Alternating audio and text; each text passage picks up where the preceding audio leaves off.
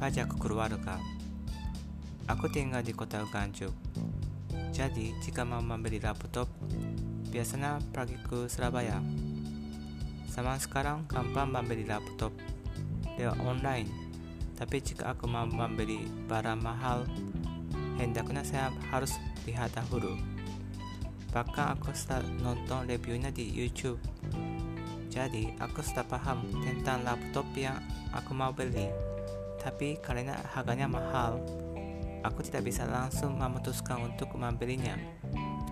Kalau aku berangkat sendirian, mungkin aku bisa mampir beberapa toko dan membandingkan dahulu.